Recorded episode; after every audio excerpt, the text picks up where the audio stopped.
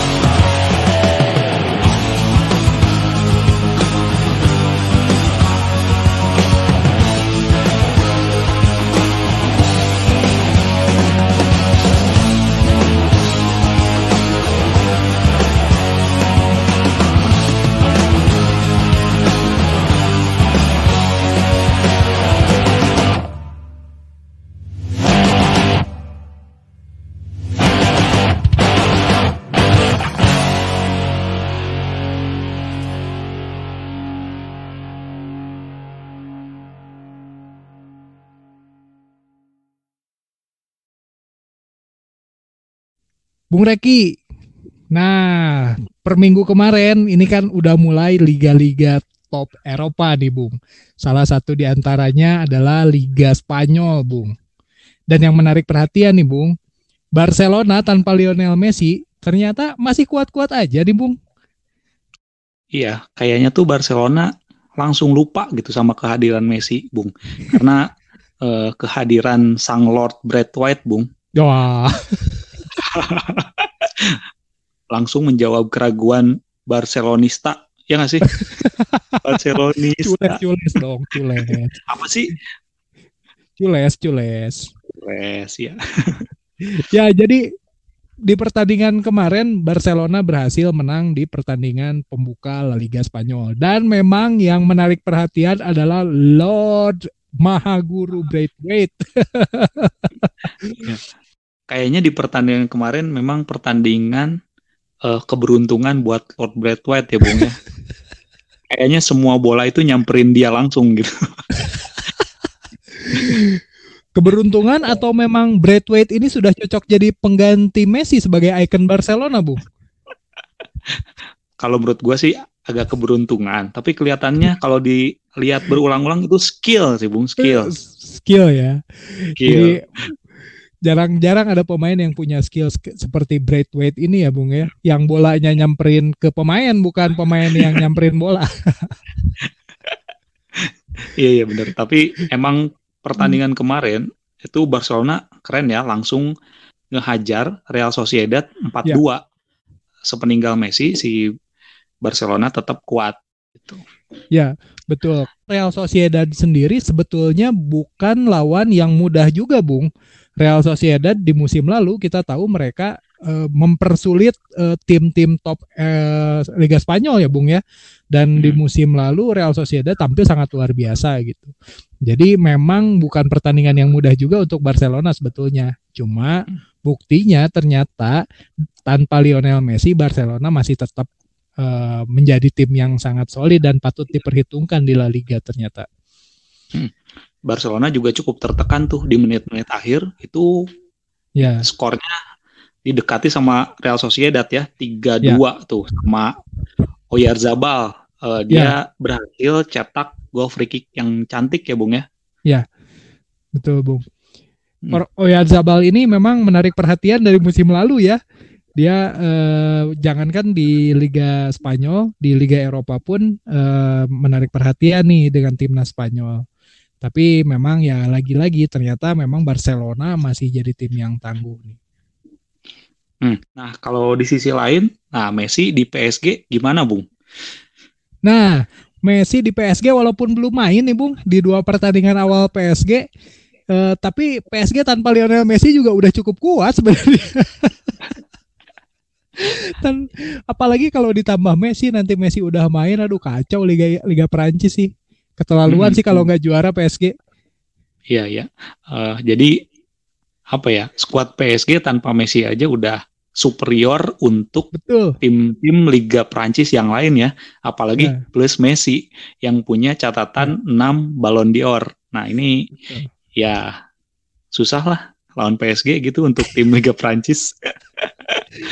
Bener Bung. Dan eh, memang PSG sendiri kan tanpa Lionel Messi sudah diperkuat oleh eh, pemain-pemain yang berkualitas tinggi gitu ya. Ada Kylian Hmm. Mbappe, ada Neymar, ada Di Maria, ada Verratti dan lain sebagainya gitu. Apalagi sekarang ditambah dengan Messi gitu. Apakah Hmm. mungkin Pochettino nanti mau menurunkan empat striker sekaligus? Kita juga nggak tahu nih. Enak juga nih kalau kalau kalau mainnya empat striker sekaligus kayaknya banyak gol nih PSG nanti. Ya tapi masih ada kabar ya. Ini kan bursa transfer kan belum ditutup ya. Nih masih ada kabar kalau Kylian Mbappe masih ada kemungkinan untuk pindah ke Real Madrid, Bung. ya, Nah, Betul. ini patut kita tunggu ya di akhir bursa transfer ini mungkin nggak sih dia pindah ke Real Madrid gitu. Ya, betul Bung. Memang eh, kabarnya Mbappe sudah eh, meminta bertemu dengan Presiden PSG eh, untuk membicarakan terkait transfernya dia. Nah, eh, yang santer beredar saat ini adalah eh, Mbappe dipersiapkan untuk direkrut oleh Real gitu kan. Jadi masuk Messi, Mbappe-nya keluar gitu.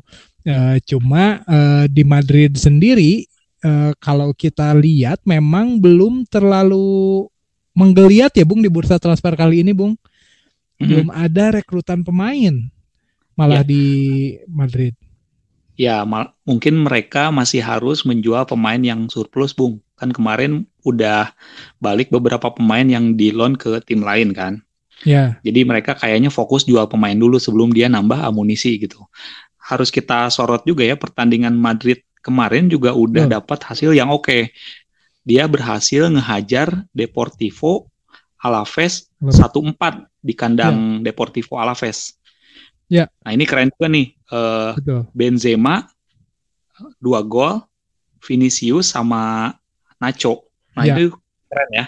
Maksudnya Betul. walaupun mereka belum nambah amunisi, tapi dengan skuad yang ada mereka masih cukup superior. Tapi yang menarik perhatian gua di pertandingan ini adalah si Gareth Bale balik lagi ke starting line up-nya Real Madrid. Ya. Kalau menurut gua, Gareth Bale ini kayaknya bisa naik lagi sih karirnya di bawah Ancelotti ini, Bung. Feeling-feeling gua ya. Betul Bung dan Gareth Bale sendiri di masa peminjamannya di Tottenham Hotspur musim lalu nggak jelek-jelek amat sebetulnya bagus gitu ya hasilnya dan memang eh, cukup stabil sebetulnya Gareth Bale tapi memang kalau di musim sebelumnya kan kepercayaan pelatihnya eh, kurang ke Gareth Bale ya Eh, Zidane kurang mempercayai Gareth Bale. Nah kalau kita tahu Ancelotti dengan Real Madrid ini kan punya kisah manis nih Bung di 2014 nih di mana Gareth Bale itu jadi pemain sentral, salah satu pemain kunci di di timnya Ancelotti pada saat itu. Bisa jadi Hmm. betul di musim sekarang juga Ancelotti banyak mengandalkan Gareth Bale. Di samping memang masih kurang eh, apa kurang optimalnya performa dari pemain-pemain sayap yang ada ya. Kayak misalkan Eden Hazard yang masih selalu jadi langganan eh, puskesmas di Real Madrid, Bu yang masih jadi langganan puskesmasnya di Madrid, terus kemudian Vinicius Junior juga masih kurang konsisten, Rodrigo masih Hmm. kurang konsisten. Jadi mungkin Gareth Bale juga bisa jadi salah satu amunisi yang pas buat Ancelotti. Jadi sebenarnya Real Madrid itu tidak kekurangan talenta pemain ya Bung ya. Sebenarnya Ya. mereka udah punya cukup oke. Tinggal Real Madrid itu punya motivasi yang pas untuk pemain-pemain bintang yang musim lalu redup. Ini kayak Ya. Eden Hazard, Gareth Bale Ya. misalnya. Betul. siapa lagi yang redup itu mungkin si Luka Jovic. Nah, mungkin kalau Ya. dapat motivasi yang bagus, kayaknya mereka bisa eh, bisa mengangkat Real Madrid jadi tim yang menyeramkan lagi gitu. Betul Bung, di samping pemain-pemain lama juga kemarin kita lihat performa dari David Alaba Bung.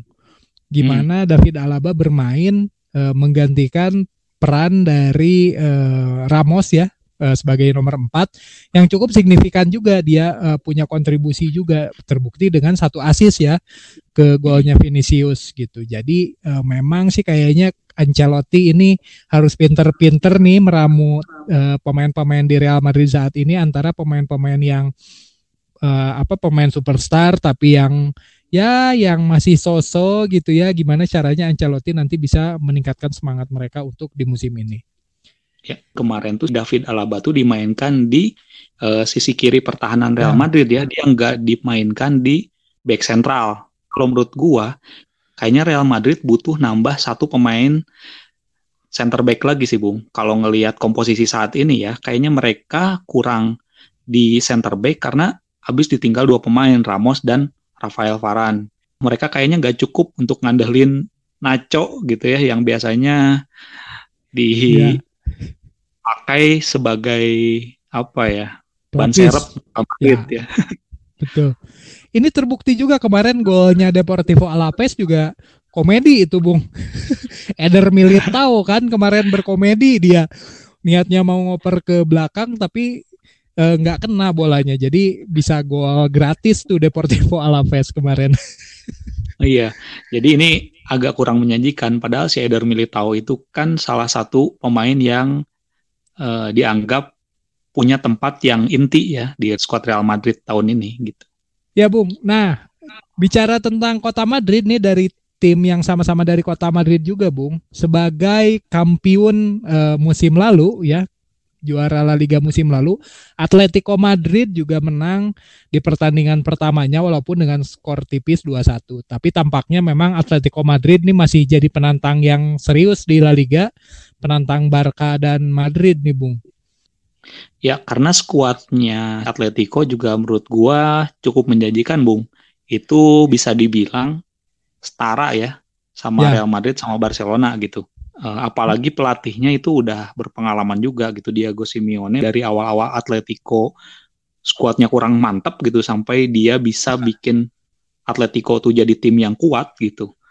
Nah, ini ya. cukup bisa diperhitungkan tuh Diego Simeone ini. Ya, betul Bung. Yang kemarin uh, cetak dua gol Atletico adalah uh, Korea ya Bung. Uh, hmm. apa tandemnya Luis Suarez sebetulnya. Cuma memang itu tadi apa pelatihnya Atletico Diego Simeone kan sudah terkenal jenius dalam meracik strategi-strategi uh, bermain ya. Terbukti musim lalu Atletico bisa jadi juara gitu.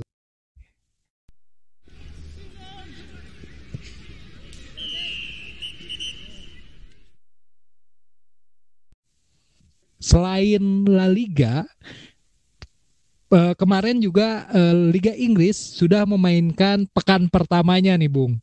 Dan banyak kejutan sebenarnya di liga di liga eh di pekan pertama Liga Inggris kemarin ini. Salah satunya Bung Manchester United. Di pekan pertamanya berhasil ngebantai Leeds United 5-1 Bung. Ngeri nggak tuh? Ngeri ngeri.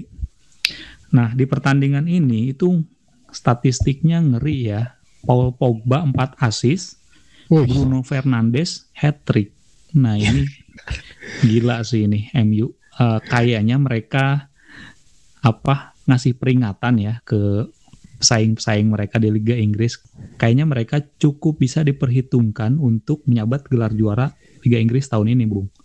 Betul, Bung. Dari statistik itu eh, apa barisan gelandang, barisan pemain tengah eh, Manchester United sangat dominan ya. Bahkan eh, lima eh apa empat dari lima golnya itu dihasilkan oleh gelandang. Satu lagi eh, eh tadi Bruno Fernandes hat trick ditambah satu lagi gol dari Fred gitu ya. Dan Leeds United ini sebetulnya bukan tim yang kacangan Bung di Liga Inggris ber, bersama pelatihnya Marcelo Bielsa di musim lalu cukup banyak berbicara sebetulnya Leeds United ini. Jadi agak mengagetkan juga di pertandingan pertama Manchester United bisa menang dengan ngebantai Leeds United sebetulnya. Hmm, hmm. Jadi memang uh, bukan berarti pertandingan ini pertandingan yang mudah karena Manchester United sempat disamakan dulu skornya ya satu-satu di awal yeah. babak kedua. Nah baru MU mulai uh, berkembang permainannya gitu. Uh, kalau gua perhatiin, Bung, duetnya Bruno Fernandes sama Paul Pogba tuh uh, cukup keren ya, Bung ya. Kayaknya ya. jadi beban lini tengah MU tuh nggak selalu dibebankan ke Bruno Fernandes gitu dengan adanya ya. si Pogba ini gitu. Jadi apa ya aliran bolanya nggak melulu yang mikirin peluang cetak gol tuh nggak melulu Bruno Fernandes gitu. Jadi dia dibantu Paul Pogba. Nah ini uh, oleh kayaknya sadar gitu. Kalau misalkan mau juara nggak bisa tergantung ke satu pemain aja gitu. Ya. Betul Bung, uh, segitu segitu kemarin MU tuh sebenarnya masih banyak pemain yang belum dimainkan ya Bung. Contohnya Marcus Rashford yang masih cedera belum bisa dimainkan kemarin.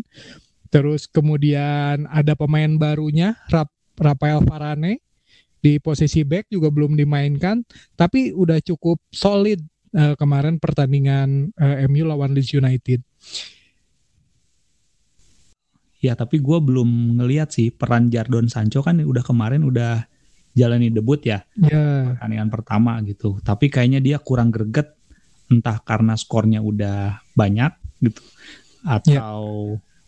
Dia belum persiapan yang matang gitu. Karena kan Inggris kemarin sampai di final Euro tuh. Mungkin dia apa belum liburan gitu masih capek ya gitu. Jadi dia kayaknya masih belum terlalu apa ya bersemangat gitu buat tanding gitu bung. Ya mungkin masih jet lag juga ya bung ya. Atau kaget gajinya gede bung. Anjir, dia mik mikirin gitu wah gua buka online shop apa ya gajinya gede uangnya kan gua mau beli kripto apa ya dengan uang segitu Oke, okay, Kaget banyak duit gitu. Iya Bung. Oke Bung. Nah eh, dari rival abadinya Manchester United Bung, ini Liverpool. Kemarin juga Liverpool di pertandingan pertamanya berhasil menang lawan Norwich City skor 3-0 Bung. Dan lagi-lagi tampaknya Mohamed Salah masih jadi pemain yang penting nih Bung di Liverpool Bung. Iya, kayaknya memang keuntungan sendiri buat Liverpool karena lini depannya itu bukan uh, pemain yang berlaga jauh di Euro ya Bung ya. ya. Jadi uh, pemain-pemain Liverpool tuh sepertinya cukup fit untuk match pertama gitu. Jadi Liverpool sepertinya udah siap ya Bung ya untuk musim yang baru gitu. Apalagi yeah. Virgil van Dijk udah kembali yeah. bisa merumput Bung di Liverpool. Yeah. Nah ini mungkin jadi suntikan yang bagus ya. Jadi lini pertahanan Liverpool punya aura lagi di lini belakangnya. Iya, benar Bung. Dan kipernya pun Alison Becker sudah mulai main ya dari awal musim nih. Kita nggak lihat lagi sosok kiper Liverpool yang kocak nih. Kemarin kan Adrian tuh yang dijadiin yang dijadiin kiper uh, di pertandingan-pertandingan awal. Sekarang udah Son, udah ada Van Dijk gitu. Jadi Liverpool sepertinya bakal uh, menjadi tim yang garang lagi nih di musim ini. Ya mungkin karena itu itu tadi si Virgil van Dijk udah balik, jadi lini belakangnya lebih kalem aja gitu, kayak yeah. punya aura gitu, bung. Benar. Baker juga kayaknya lebih slow gitu, nggak kayak yeah. musim lalu dia lebih agresif tapi gak jelas malah banyak blunder jadinya. Iya, gitu. betul bung. Dan ini masih masih apa? Uh, dan ada Diego Jota yang masih jadi salah satu bomber Liverpool nih, bung terbukti dia uh, langsung cetak gol di pertandingan awalnya nih walaupun sebetulnya Jota dan Firmino itu diposisikan pada posisi yang sama di Liverpool nih sebagai false nine ya. Kayaknya si Jota itu salah satu kejutan di lini depan Liverpool yang belum bisa ditebak. Mungkin di musim-musim lalu apa trio Liverpool itu kan pakemnya Mohamed Salah, Firmino sama Mane kan. Yeah. Itu itu terus kan. Nah, yeah. dengan masuknya Jota itu bikin lini serang Liverpool itu sulit ditebak, Bung. Kayaknya jadi ada satu yang beda yang sulit ditebak gitu dari skemanya. Betul, Bung. Jadi lebih variatif ya uh, lini serang Liverpoolnya nggak nggak ngandelin Mane lagi gitu, nggak ngandelin uh, apa Firmino lagi, tapi bisa bisa lebih uh, variasi gitu ya, banyak variasi dari Liverpool ya, Bung.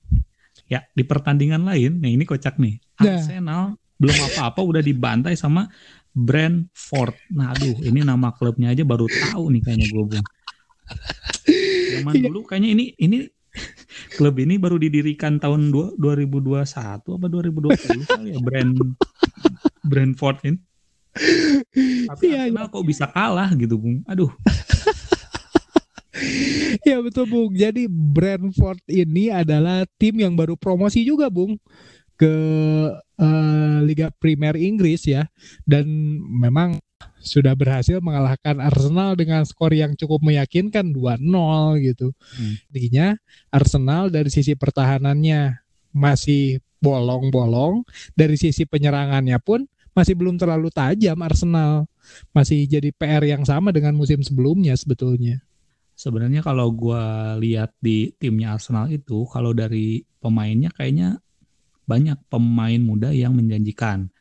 Tapi ya. yang kurang dari Arsenal tuh adalah tujuan yang jelas sama kepemimpinannya. Di tim itu siapa sih uh, leadernya atau siapa sih yang punya teknik tinggi gitu di di skuad Arsenal kayaknya gak ada gitu. Semua ngandelin speed ya. gitu. Uh, kesegaran kebugaran pemain gitu tapi tujuannya nggak ada nih iya. jadi ini PR-nya menurut gue banyak bung Arsenal nih Apakah mungkin memang Arteta terlalu mengandalkan banyak pemain-pemain mudanya, Bung? Jadi Arsenal kayaknya kurang greget gitu. Apakah mereka memang nggak siap sebenarnya pemain-pemain mudanya? Ya di samping itu mungkin karena pemainnya terlalu muda, ya tidak ada sosok pemimpin gitu di situ. Nggak kayak Arsenal yang dulu, mereka punya Patrick yeah. Vieira, Dennis Bergkamp, Thierry Angri, yeah. ya semua tuh punya leadership yang bagus-bagus gitu. Gilberto, pokoknya banyak gitu pemain-pemain Arsenal yang dulu punya aura kepemimpinan yang kuat. Iya betul Bung, uh, setuju sih Bung gua Bung. Dan kemarin juga sebetulnya yang jadi salah satu faktornya adalah cederanya uh, dua penyerang utama Arsenal ya Bung, yaitu Pierre Emerick Aubameyang dan kemarin sebelum pertandingan dikonfirmasi ternyata cedera dan nggak bisa main. Dan alhasil uh, mungkin itu juga bisa jadi salah satu faktor penentu ya Bung.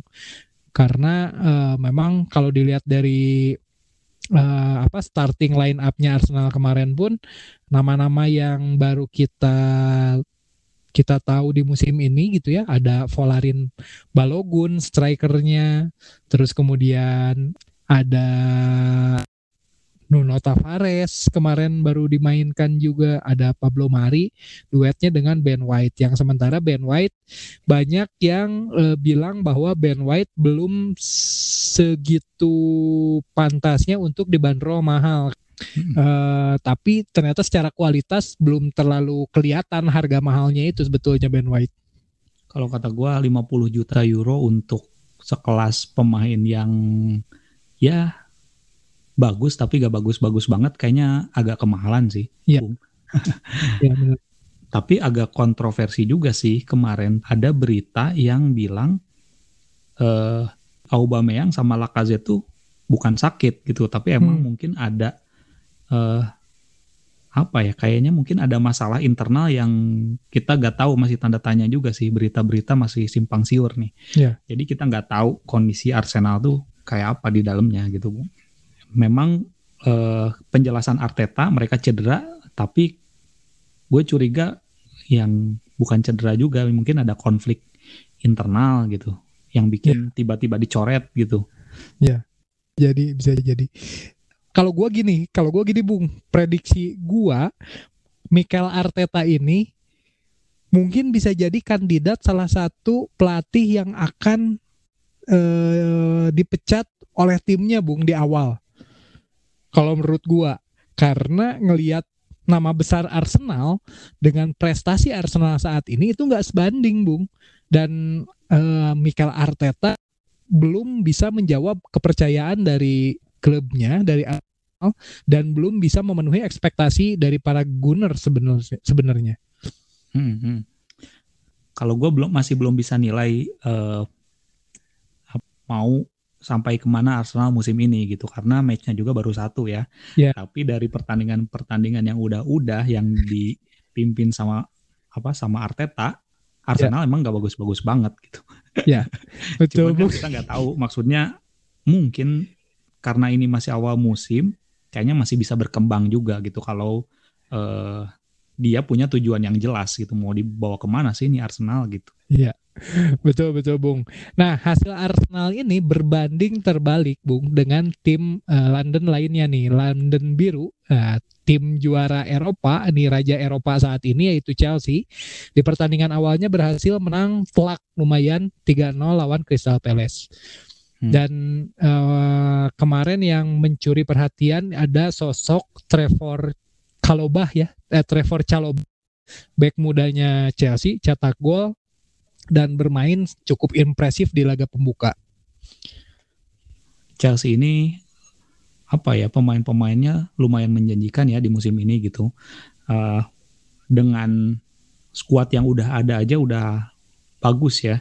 Tapi kita jangan lupa juga minggu lalu mereka udah meresmikan mega transfer Romelu Lukaku, Bung. Ya. Nah, betul. itu berhasil kembali dari Inter Milan balik ke London. Nah, ini ya.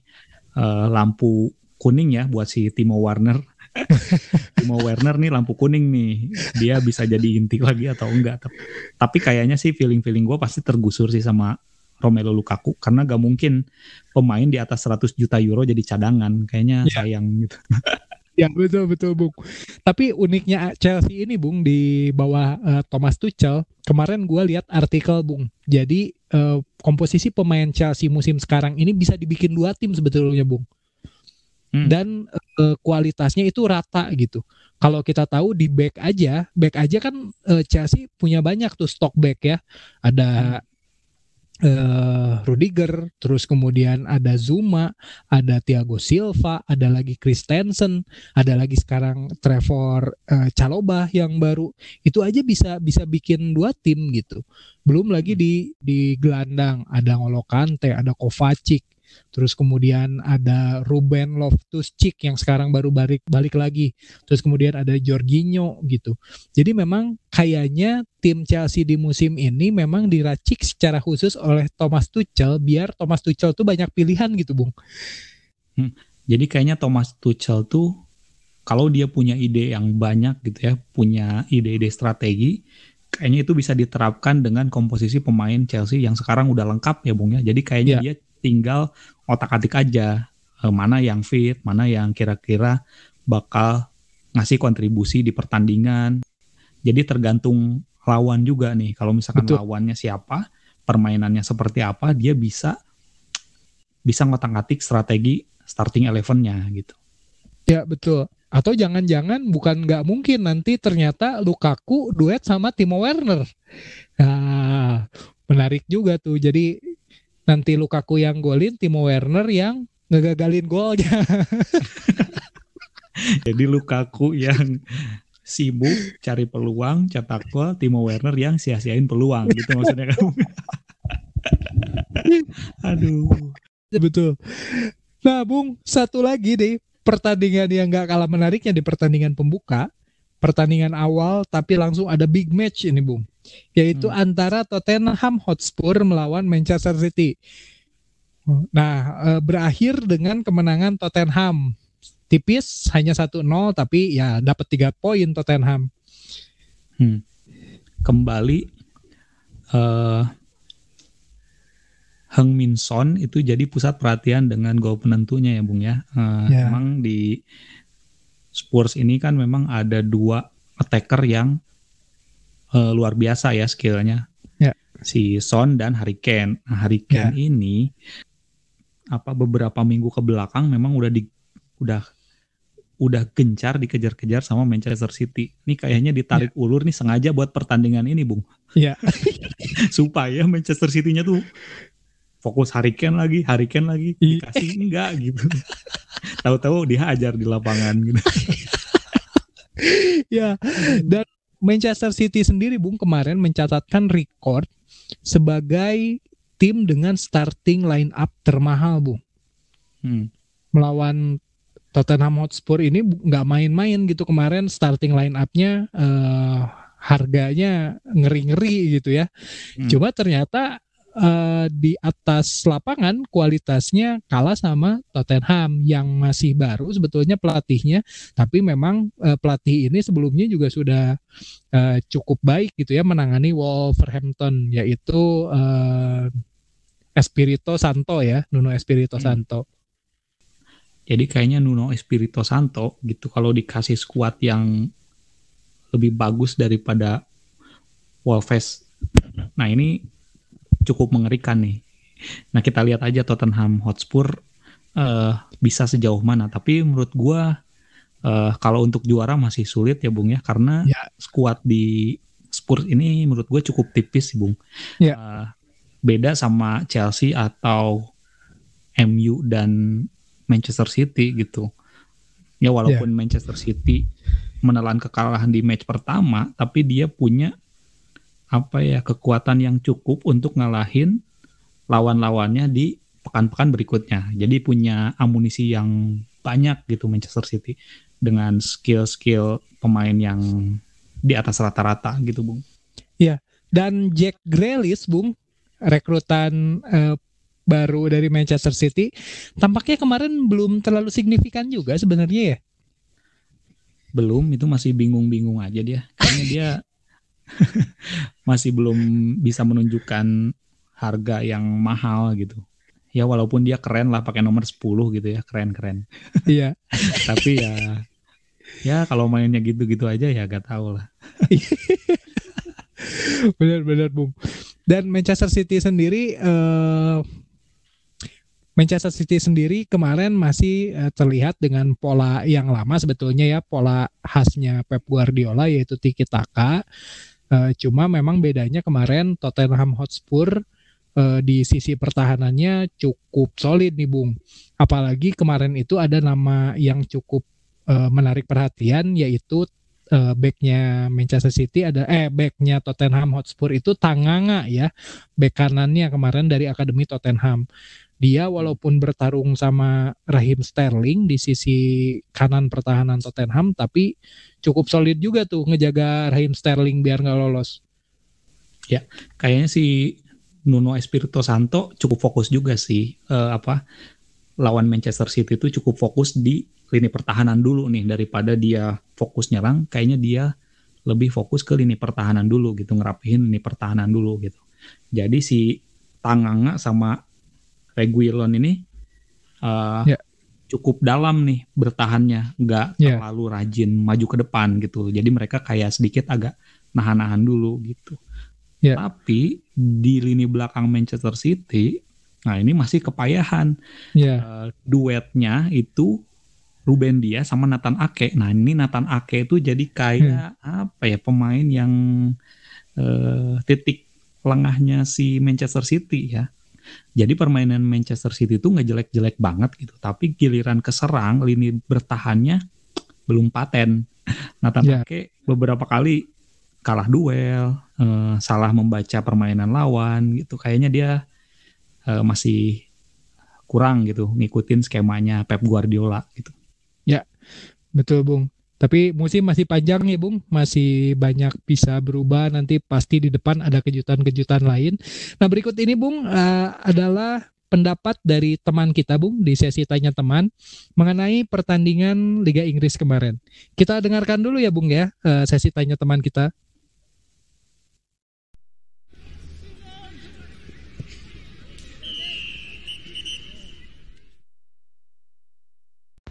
Nama Randi Adam ngedukung MU karena tim MU melegenda dan para pemainnya juga melegenda seperti David Beckham, Ryan Giggs dan lain-lain.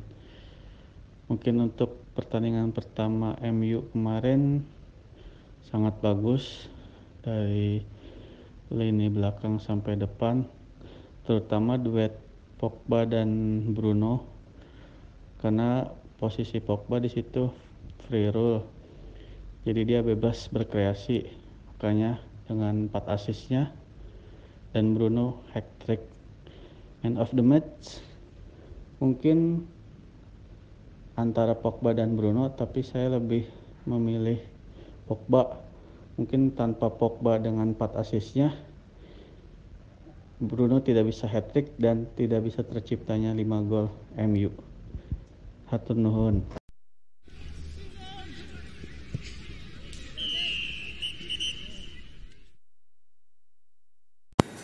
Halo, saya Muklis, saya pendukung MU. Komentarnya tentang pertandingan perdana MU musim ini melawan Leeds yang pasti kalau dari hasil sangat memuaskan dengan skor 5-1 tapi secara tim uh, mungkin masih banyak harus ada perbaikan terutama di posisi striker dan gelandang bertahan. Untuk man of the match pertandingan perdana MU uh, lebih memilih Pogba dibanding Bruno Fernandes. Walaupun Pogba pada awal uh, masih kurang impresif tapi dengan empat asisnya uh, cukup lumayan. Mudah-mudahan lebih stabil ke depannya. Itu saja. Terima kasih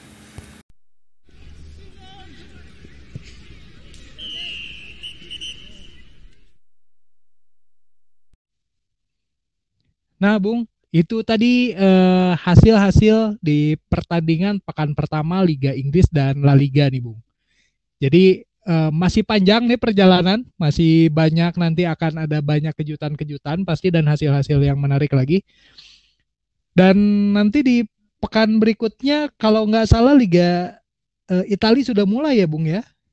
Iya, kita nggak sabar juga sih nunggu start Liga Italia karena uh, di Liga Italia itu akan lebih menarik dari musim lalu gitu dengan ya. kembalinya Allegri, datangnya ya. Jose Mourinho uh, ya. dan dengan Simone Inzaghi juga yang baru menahkodai Inter Milan gitu sang juara bertahan ya. uh, kita cukup penasaran gitu. Betul. Dan jangan lupa juga nih kebangkitan AC Milan, Bu. Nah, siapa tahu kan di musim ini AC Milan bisa uh, jadi juara lebih baik dari posisi di musim sebelumnya kita nggak tahu patut ditunggu ya Bung ya. Ya. Oke, uh, sohib-sohib salah oper, terima kasih sudah mendengarkan. Jangan lupa tetap terus ikuti episode salah oper selanjutnya. Oke, okay. thank you.